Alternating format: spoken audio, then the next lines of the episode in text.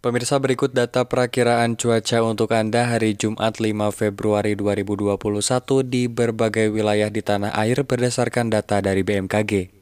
Kita mulai dari Banda Aceh. Banda Aceh pada siang hari ini akan cerah dengan suhu 23 hingga 32 derajat Celcius. dan pasar pada siang hari ini akan hujan ringan dengan suhu 24 hingga 30 derajat Celcius. Serang pada siang hari ini akan cerah berawan dengan suhu 24 hingga 32 derajat Celcius. Bengkulu akan cerah berawan dengan suhu 24 hingga 31 derajat Celcius. Yogyakarta pada siang hari ini akan hujan lebat dengan suhu 23 hingga 30 derajat Celcius. Jakarta Pusat pada siang hari ini ini akan berawan dengan suhu 24 hingga 31 derajat Celcius. Gorontalo pada siang hari ini akan cerah berawan dengan suhu 23 hingga 33 derajat Celcius. Kota Bandung pada siang hari ini akan hujan ringan dengan suhu 19 hingga 30 derajat Celcius. Jambi akan cerah berawan dengan suhu 23 hingga 31 derajat Celcius. Surabaya pada siang hari ini akan hujan ringan dengan suhu 25 hingga 32 derajat Celcius. Pontianak pada siang hari ini akan turun hujan ringan dengan suhu 23 hingga 32